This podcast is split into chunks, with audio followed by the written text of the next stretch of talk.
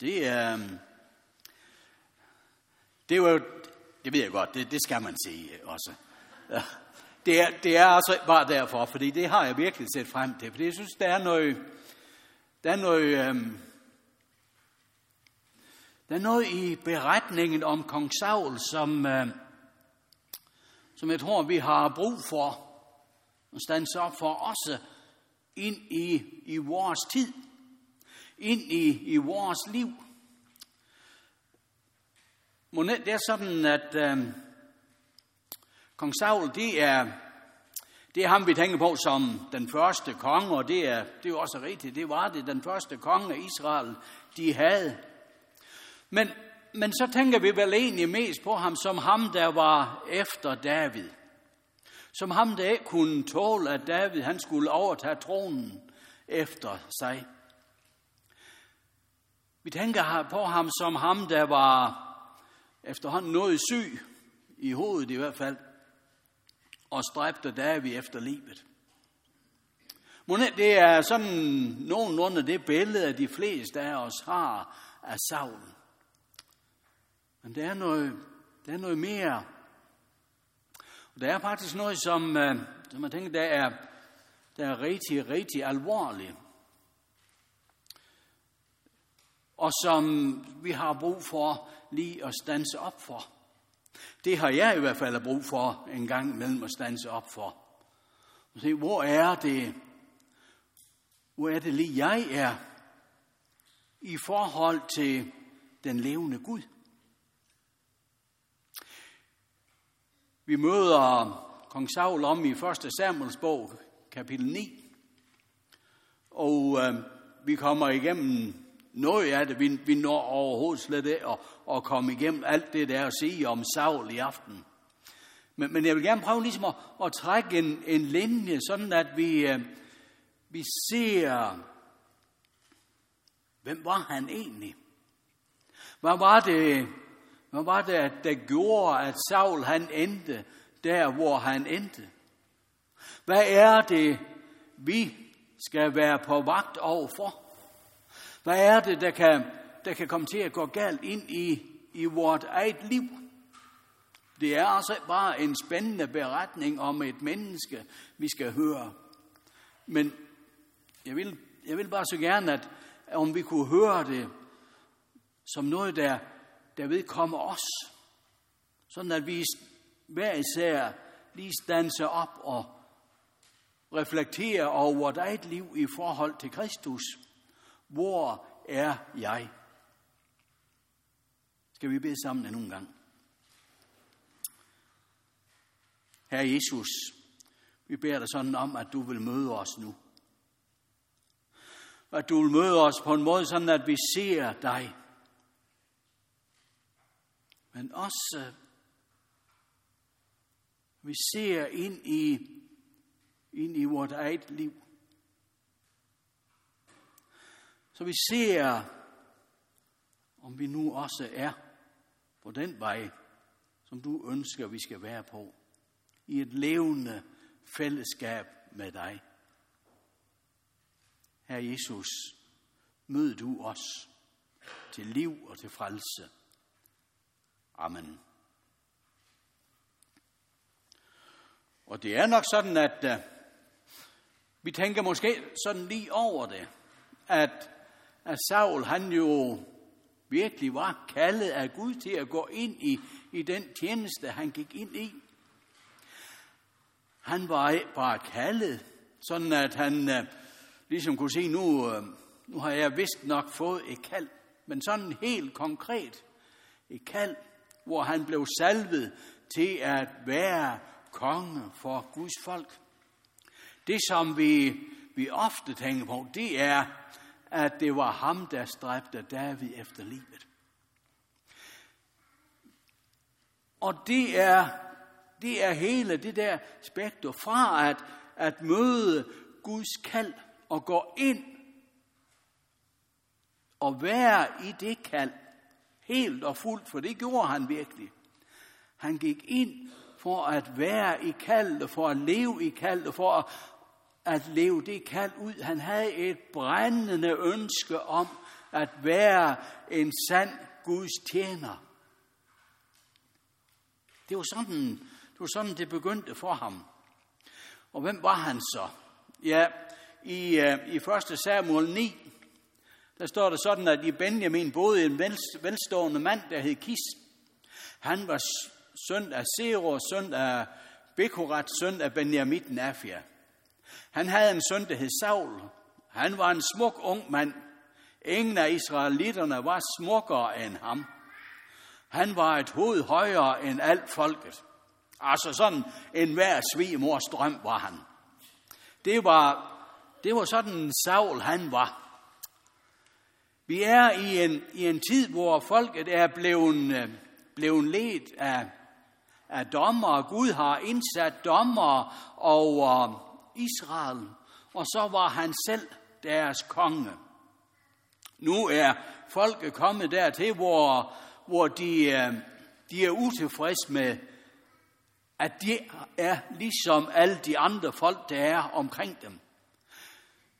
De havde en konge, og det kunne ses, når, specielt når de drog ud i kampen, i nogle af alle de der små krige, som der var, var rigtig mange af, så var kongen med, og der var ingen, der var i tvivl om, hvem der var deres konge. Og sådan havde israelitterne det også. De ville også have sådan en konge, som alle de andre, de kunne se, her er Israels konge. Og så er det, at Gud han udvælger Saul til at skulle være konge over folket. Profeten Samuel, han er, han er faktisk rigtig ked af, at folket, de, øh, de vil have det sådan. For i virkeligheden så handler det jo om, og det var jo det, som Samuel han så, de, de vrager Gud som deres konge.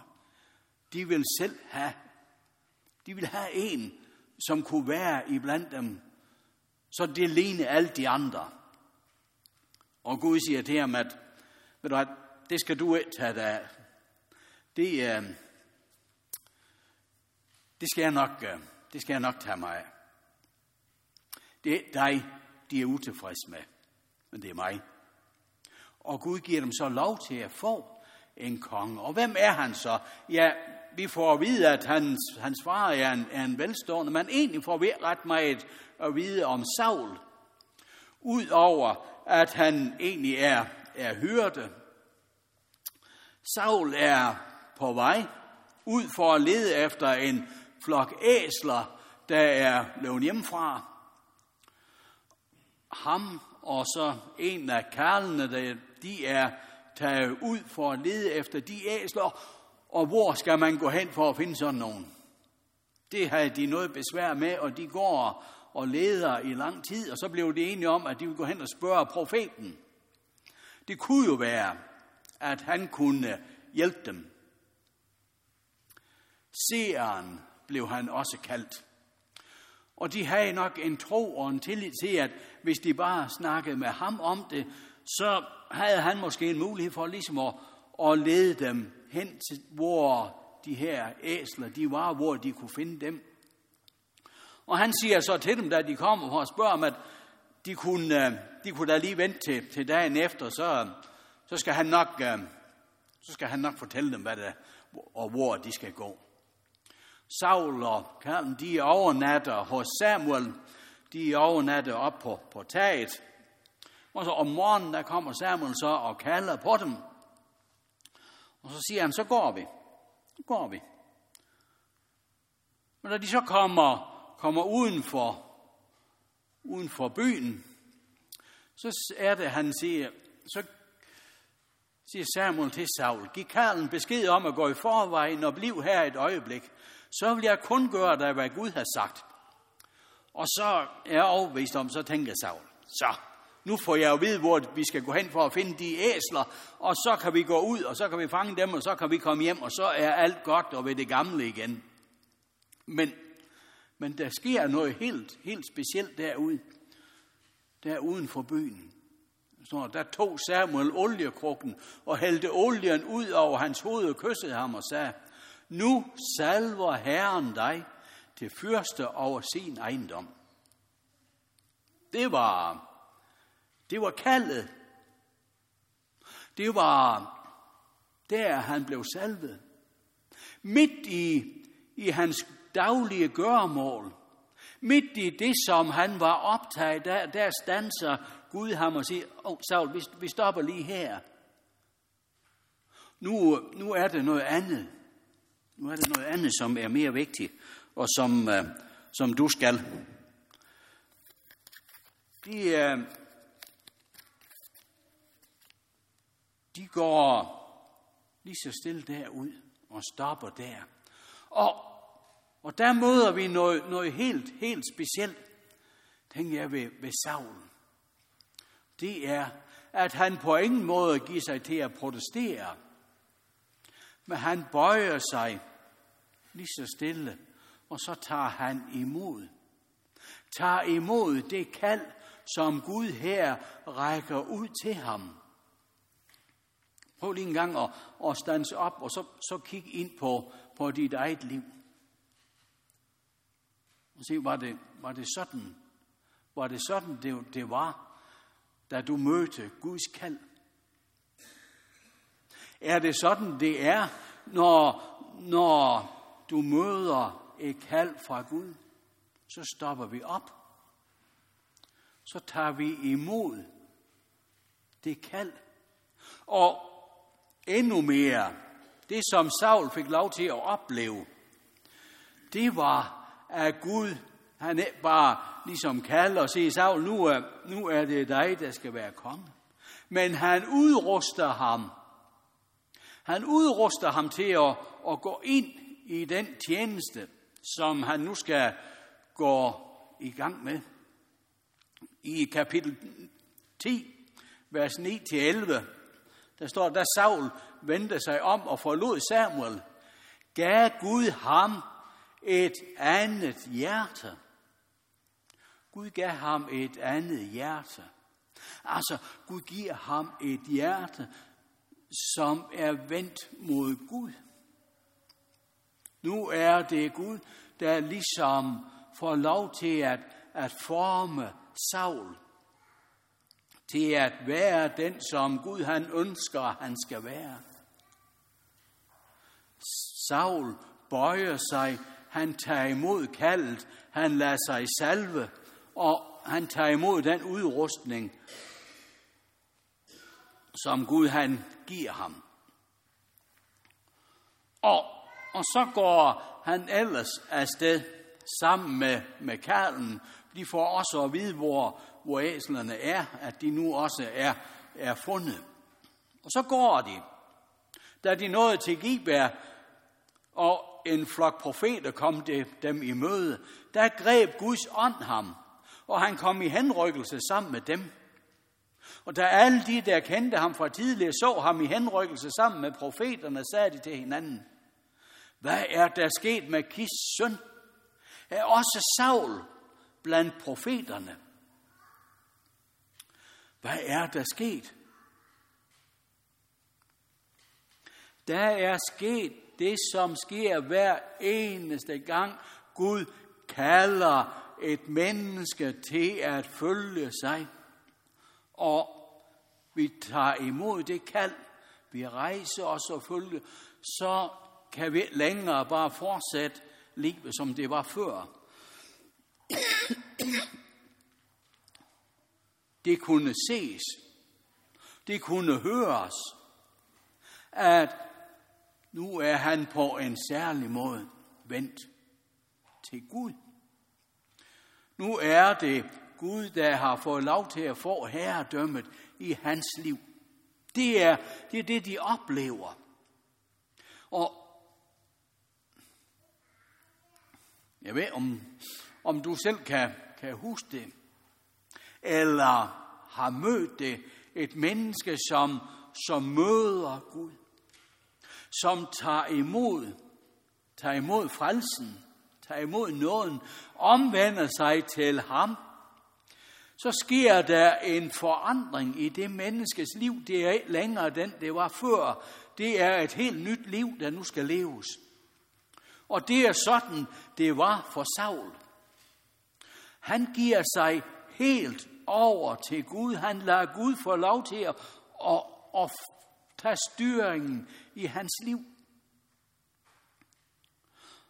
Og selvom, selvom vi nu oplever Saul som ham, der på en særlig måde her er kaldet af Gud og bliver udrustet af Gud til at gå ind i den tjeneste, som han, han nu skal gå ind i, så kommer vi til at møde Saul som et, et ydmygt menneske.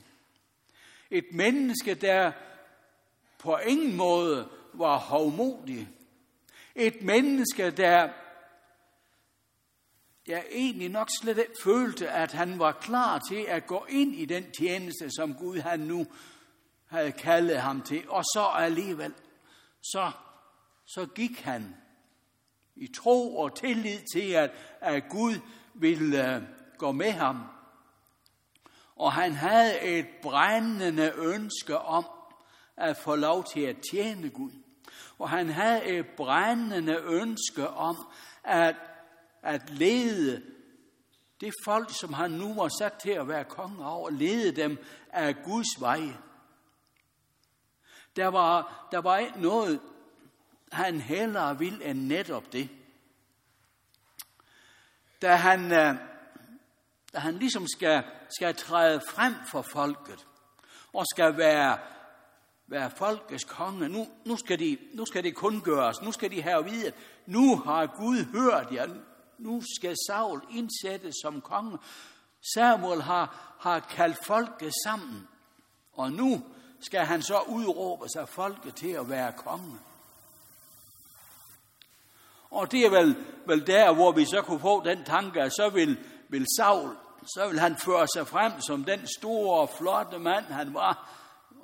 Ligesom sige, her, her er jeg, som sådan en anden verdens hersker, der lige har vundet valg i det også, og står og jubler og råber over, at vi, vi har vundet det hele. Men nej, det var, det var ikke sådan, det var. Folket er samlet, Samuel er der, men hvor er Saul? Hvor er Saul? De kunne ikke finde ham.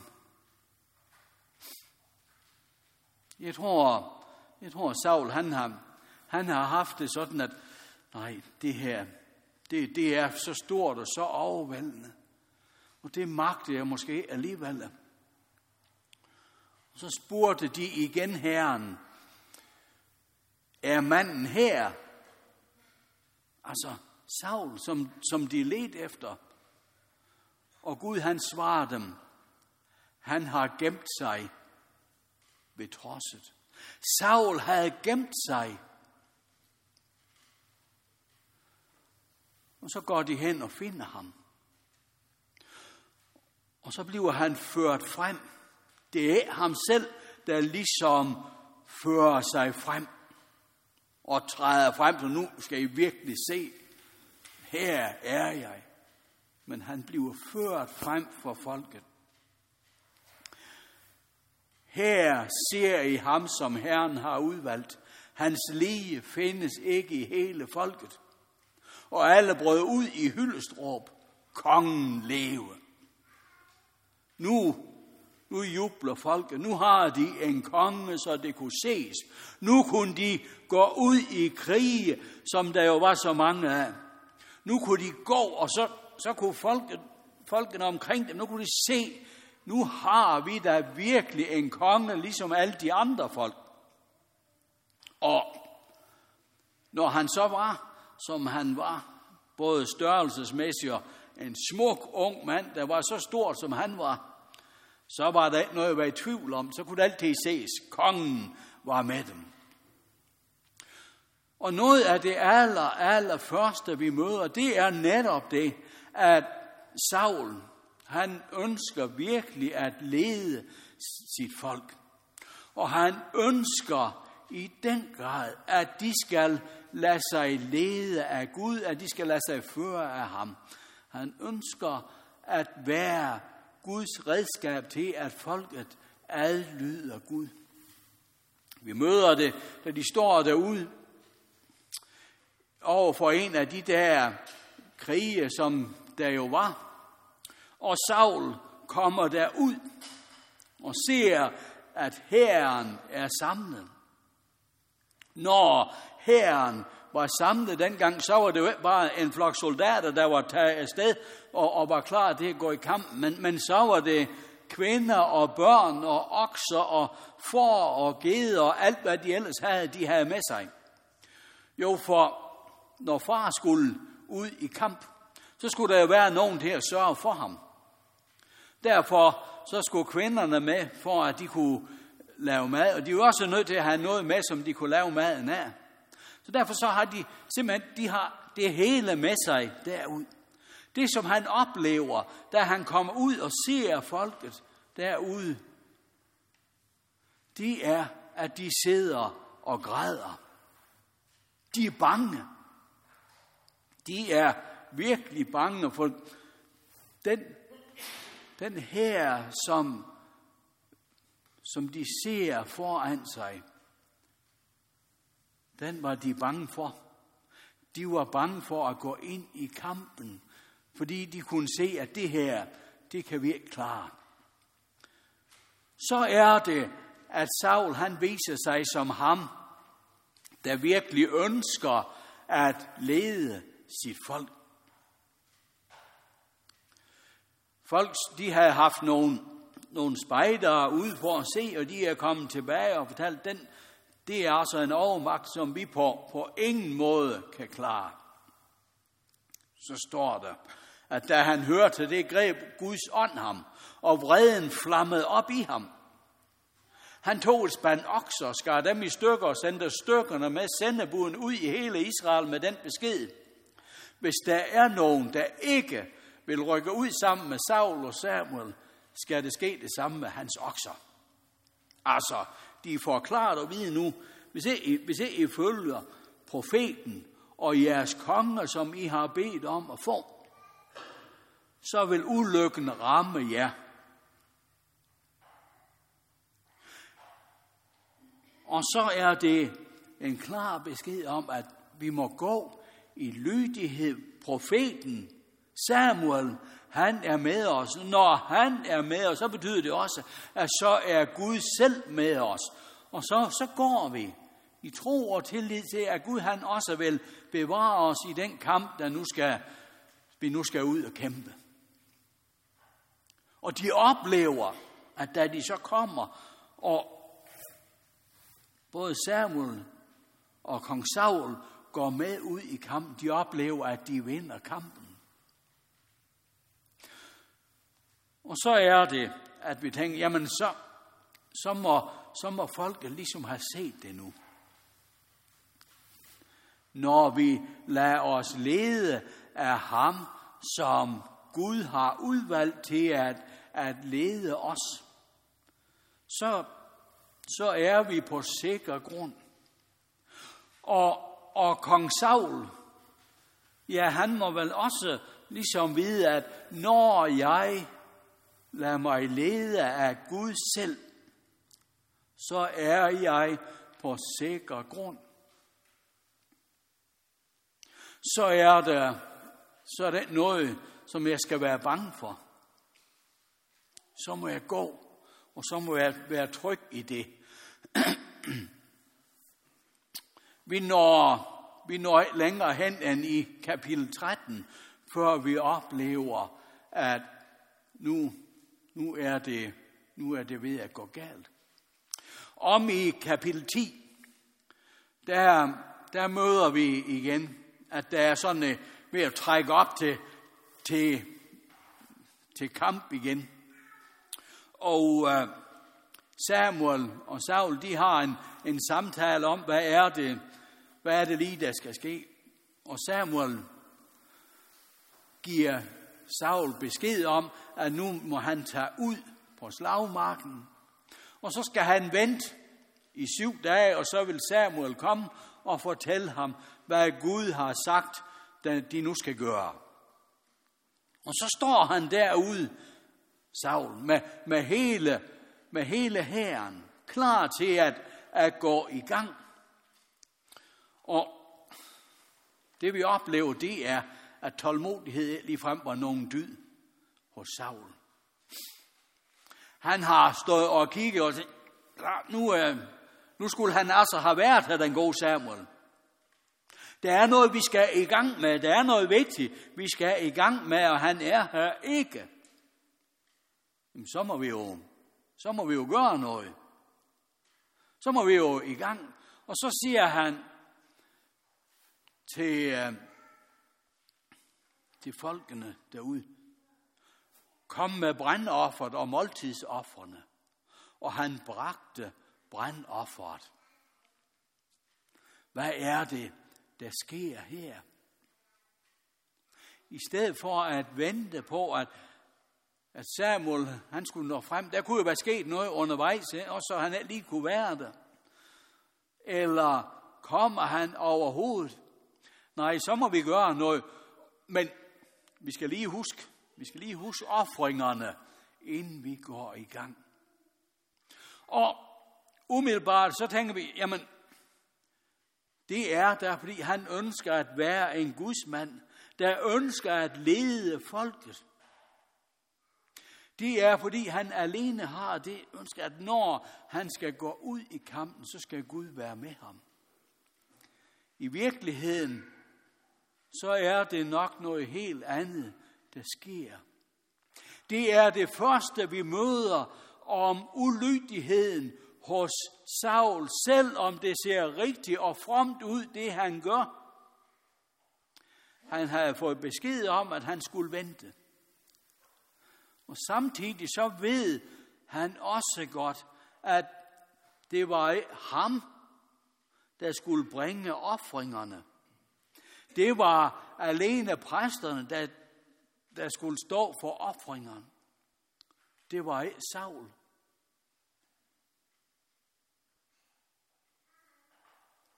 Kender du godt det, at, at vi ligesom står over for, for nogle opgaver, og vi tænker, det her, det, det er så vigtigt, det må vi i gang med. Nu skal der, nu skal der ske noget. Og i stedet for, at vi lige venter og spørger Gud til råd, så siger vi til Gud, om han lige vil velsigne det, som vi nu går i gang med. Det er det Saul, han gør her. I stedet for at vente på, på Guds, Guds svar, i stedet for at vente på, hvad er det Gud han vil, og hvordan er det Gud han vil, så, så siger Saul, nej, det her det er vigtigt, vi skal i gang, nu må, Gud, nu må du velsigne det, som vi nu går i gang med. Altså i den forkerte rækkefølge. Det ser rigtigt ud, det ser fromt ud, og det ser godt ud i folkets øjne. Men det var, det var ikke det Gud havde, Gud ville. Og det var ikke måden, Gud ville det på. Jeg tror, der er noget her, som, som vi har brug for en gang imellem lige at, at stanse op for. Og der er så, der er så, mange, så mange opgaver, som, som vi synes, vi, vi, skal, vi skal i gang med. Der er så meget arbejde, også i, i missionens tjeneste, som, som bare ligger og venter på, at vi kommer i gang. Og nu har vi endelig set, det er det her, vi skal i gang med. Så lad os da komme i gang, Gud, så må du velsigne det. I stedet for, at vi lige måske giver tid og lader Gud få lov til at komme til. Lad Gud få lov til at fortælle os, hvad det i virkeligheden er, han ønsker.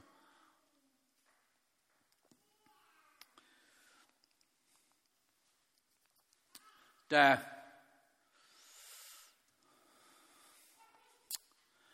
da Samuel han så når frem.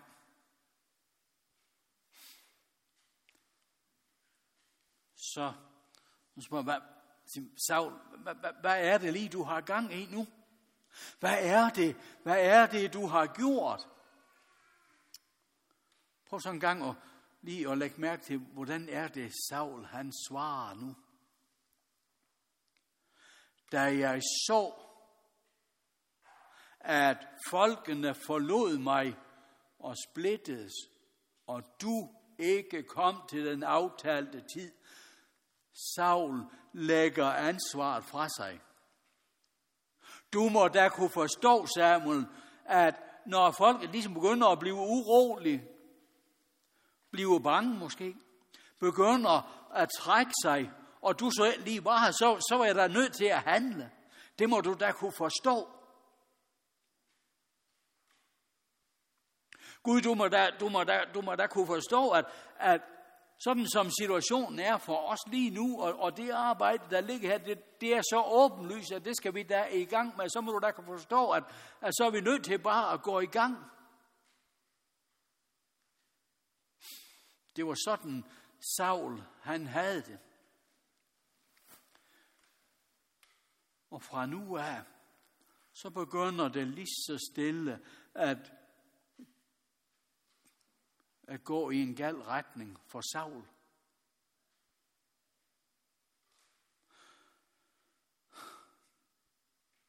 Jeg synes, det er alvorligt, det her. Det er, det er en alvor, som vi bare lige må, må lægge fra os og sige, ja, sådan gik det ham. Men vi er nødt til også, og jeg er nødt til også, ligesom at kigge ind, indad og sige, er det, er det der, er det der jeg er? Er det sådan jeg handler? At jeg har så travlt, at jeg har tid til at, at vente på, på Guds marsordre at jeg har tid til at, at være i stillhed og lytte til, hvad er det, han vil? Hvor, hvor er det, han vil, og hvordan er det, han vil, jeg skal være nu? Samuel han siger til ham, du har båret dig tåbelig ad. Og så kommer der, så kommer der noget nu, som, som er er alvorligt. Virkelig alvorligt. Hvis du havde holdt den befaling, som Herren din Gud havde givet dig, havde Herren grundfæstet dit kongedømme over Israel til evig tid. Men, jeg ved om du har tænkt på det, men det der lille ord, men, det er forfærdelige ord, når vi læser den i, i skriften. Gang på gang. Frygteligt ord. Men nu skal dit kongedømme ikke bestå. Herren har udsøgt sig en anden efter sit hjerte.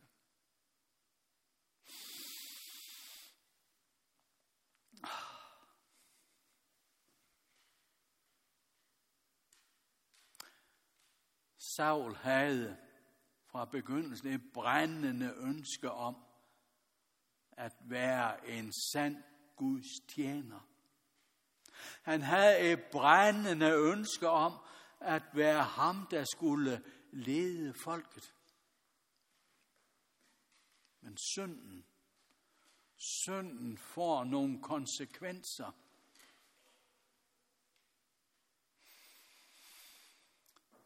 Og sådan, sådan er det stadig. Synden får nogle konsekvenser.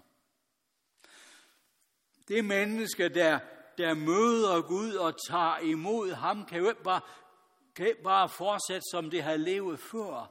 Det kunne Saul heller ikke. Men det menneske, der er ulydig mod Gud, kan heller ikke bare leve videre, som om ingenting var sket. Synden har nogle konsekvenser. Og for Saul betød det, at, at det var hans slægt, der ligesom skulle bære kongedømmet videre. Gud har udset sig en anden. Men, og nu er det, at, øh, at det begynder at blive, blive der, hvor, hvor vi virkelig skal være vågen. Og hvor vi virkelig også skal, skal se efter. Hvor er det, vi har vores ledere? Hvor er det, vi har kirkens ledere? Ønsker de at tjene Kristus? alene. Eller hvad er det, der sker? Prøv lige en gang at høre. De var igen ude i en af de der, de der krige. Og den var, kampen var hård. Virkelig hård. Og de var, de var udmattede. De var sultne. Og så tager de krigsbyttet, hvad det var af, af, af levende dyr, det, dem slagter de, og så går de ellers i gang med at spise. Og forståeligt er det vel, at de gør det.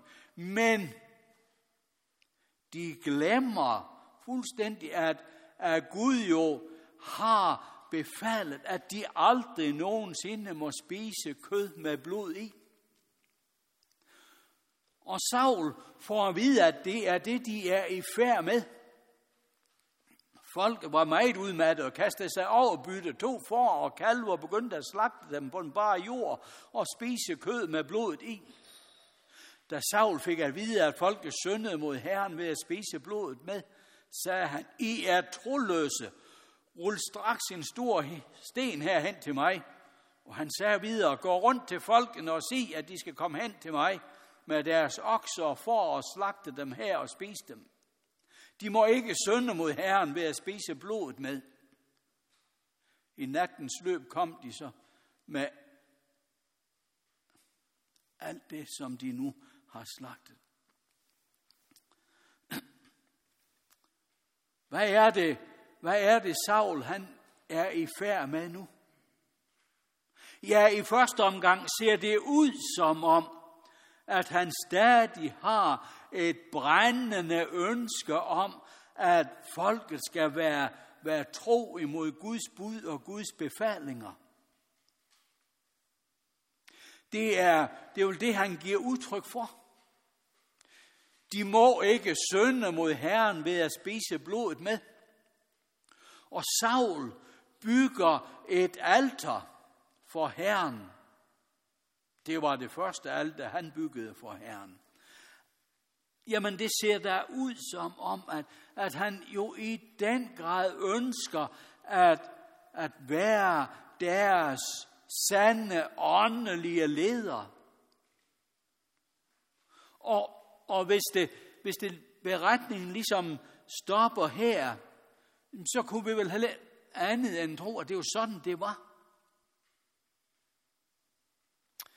Men i virkeligheden, så var det vel mere det, at nu har, nu har Saul travlt med ligesom at, at få bygge en facade op omkring sig selv. Så det ser ud som om, at han stadig ønsker at tjene Gud. Så det ser ud som om, at hans liv, det er, som det skal være i forhold til den levende Gud. Han får det til at se ud som om i folkets øjne. Men ind bagved, der er der noget andet. Og vi møder det, vi møder det ret så kraftigt i den næste lille kamp, de skal ud i, hvor, hvor Samuel jo igen kommer til Saul. Det er mig. Og prøv lige en gang at lægge mærke til. Saul kender udmærket Samuel. Han ved udmærket, hvem Samuel er. Og så møder Samuel ham nu og minder ham om, eh, om hvem Samuel i virkeligheden er, men minder kong Saul om, om kaldet han fik om, da Gud udrustede ham. Det er mig, Herren sendte for at salve dig til konge over sit folk Israel. Vær nu lydig mod Herrens ord. Saul, vær nu lydig. Hvorfor skulle han mindes om, om det? Jamen det var jo netop fordi Samuel ved, at Saul ikke længere var ærlig. At det, som han havde gjort for inden, med at kalde folket sammen, at, og ligesom gør dem klart, at det, som de gjorde, var synd. At det tog han selv, synden tog han selv ligesom afstand fra. Det var, det var de andre, det var ikke ham.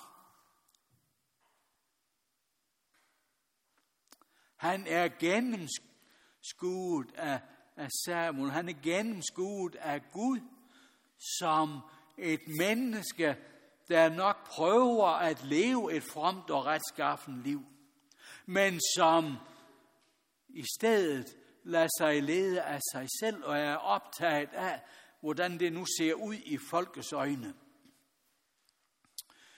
Og så får han ellers besked om, hvad det nu er, at de skal gøre, når de nu kommer ud i kampen. I kapitel 15. Skån ikke nogen, men dræb både mænd og kvinder, børn og spæde, okser og får, kameler og æsler. Altså alt, hvad det er, det skal hugges ned nu. Det er den besked, han får. Og det er det, han får at vide, at nu skal du være lydig, Saul. Nu skal du gå ud og gøre, som du får besked på. Og det er, det er der en, en voldsom besked, han får, og vi forstår det, forstår det, men, men hvad sker der? Hvad er det lige, der, der sker? Han, altså Saul, tog Amalekiterkongen Agag levende til fange. Det var det, han har fået besked om, han skulle i hvert fald. Men hele folket lader han vand på med svært. Men Saul og hans folk skånede Agag og de bedste får og okser, fedekvæg og lam.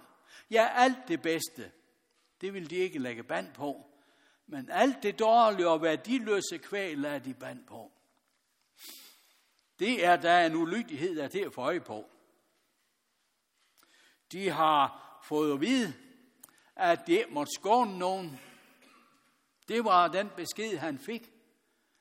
Det var det, som, som Saul kom og gav ham besked om, og sagde, husk nu lige på, at du, du får lov til at gå i Guds, gå Guds ærende.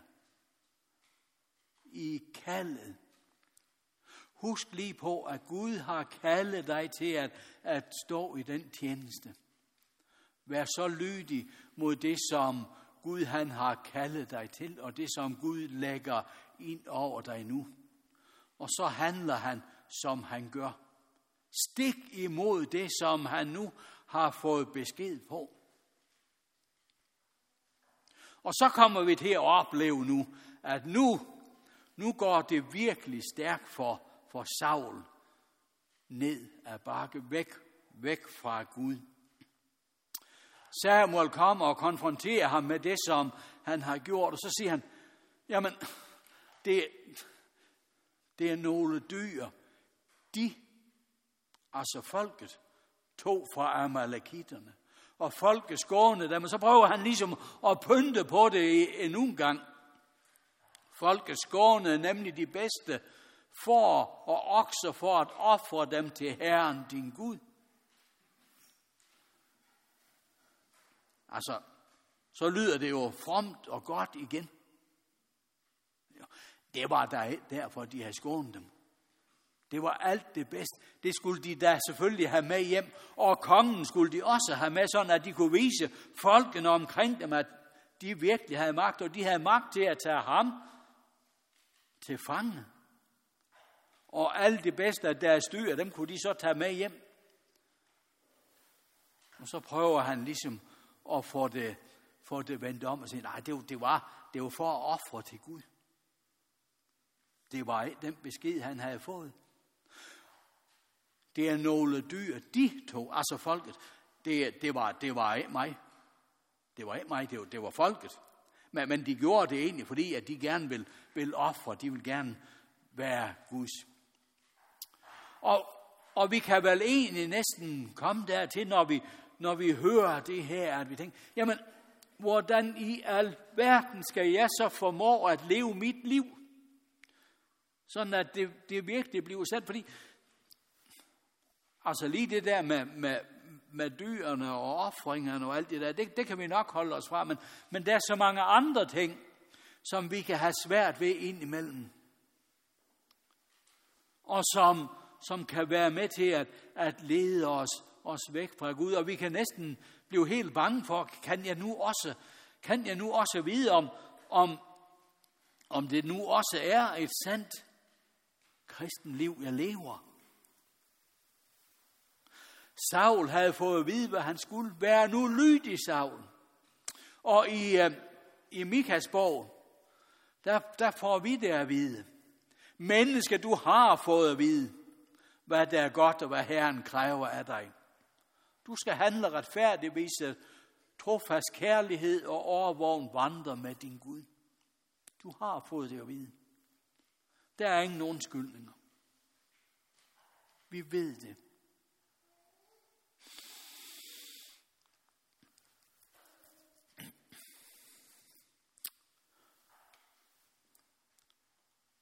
Når vi så lige, når vi så lige læser det næste, jamen så er det vel, at, at vi kommer, kommer dertil, hvor vi tænker, ja, det er jo så, det er jo der, det er der, vi må hen. Der, hvor, hvor Saul var. Saul tager til Samuel. Jeg har syndet. Jeg har overtrådt Herrens bud og dine befalinger. Det er jo, er det, det er Gud, han, han vil, vi skal? Jo. Men det næste, som Saul, han så siger, det skulle han bare aldrig nogensinde have sagt. Det var i virkeligheden min skyld, at det gik, som det gjorde. Jeg var bange for folket, og så føjede jeg dem. Kan du høre? Det, det var næsten som, som da Gud han konfronterer Adam derinde i, i paradis. Hvad er det, der du har gjort? Det, det, jamen, det, det, det var jo ikke mig, det var, det var kvinden. Det var hende, der sagde, det var, ikke, det var ikke min skyld, egentlig. At jeg så ligesom øh, kom, kom til det. Altså, jeg kom bare lige til det. I virkeligheden, så var det min skyld. Prøv så en gang at, at se, hvad han så siger. For nu er det, jeg tænker, nu, nu, nu bliver det farligt. Tilgiv mig nu min synd, og vend tilbage sammen med mig. Hvem er det, han beder tilgivelse hos? Det er Samuel. Han beder Gud om tilgivelse. Samuel, tilgiv mig nu min søn. Det var ikke Gud, han bad om tilgivelse. Nej, så jeg kan tilbede Herren. Hvis, hvis, du, hvis du tilgiver mig, så kan jeg tilbede Herren. I første omgang, så lyder det måske rigtigt og frem, men, men det var jo ikke Gud, han bad om tilgivelse. Han bøjede sig jo her for Gud og bad ham om tilgivelse. Og nu, nu går det galt. Herrens ånd forlod Saul, og en ond ånd fra Herren overvældede ham. Jamen, det, er næsten, det er jo næsten det at holde ud, det her. Det er jo næsten, det er det er det er jo grufuldt at tænke på, at et menneske, der i den grad ønsker at tjene Gud, i den grad giver sit liv helt og fuldt til ham, og så havner han her Det må være en, en stærk påmindelse til os om, at vi hele tiden lever inden for Guds ansigt. Lever der, hvor, hvor nåden og tilgivelsen er at finde. At vi søger nåden og søger tilgivelsen hos ham. For Saul, der gik det så vidt, at han siger, hug Herrens præster ned. Dem, som vil forkynde sandheden, dem vil høre, ikke holde til at høre det længere. Hug dem ned. Det er, det er den samme Saul, som Gud gav et nyt hjerte, der siger sådan. Det er et menneske, der vender sig og giver sit liv helt og fuldt til Gud i en tjeneste for ham, der siger sådan. Hug Herrens præster ned.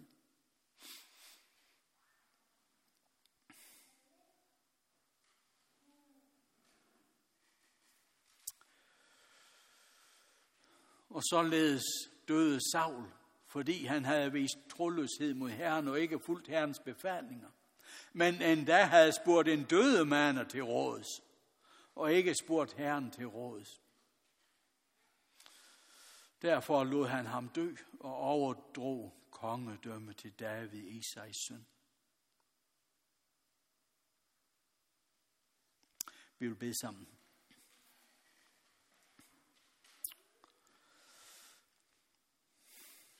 Herre Jesus, se i noget til os og som, som ofte kommer til at ligne Saul.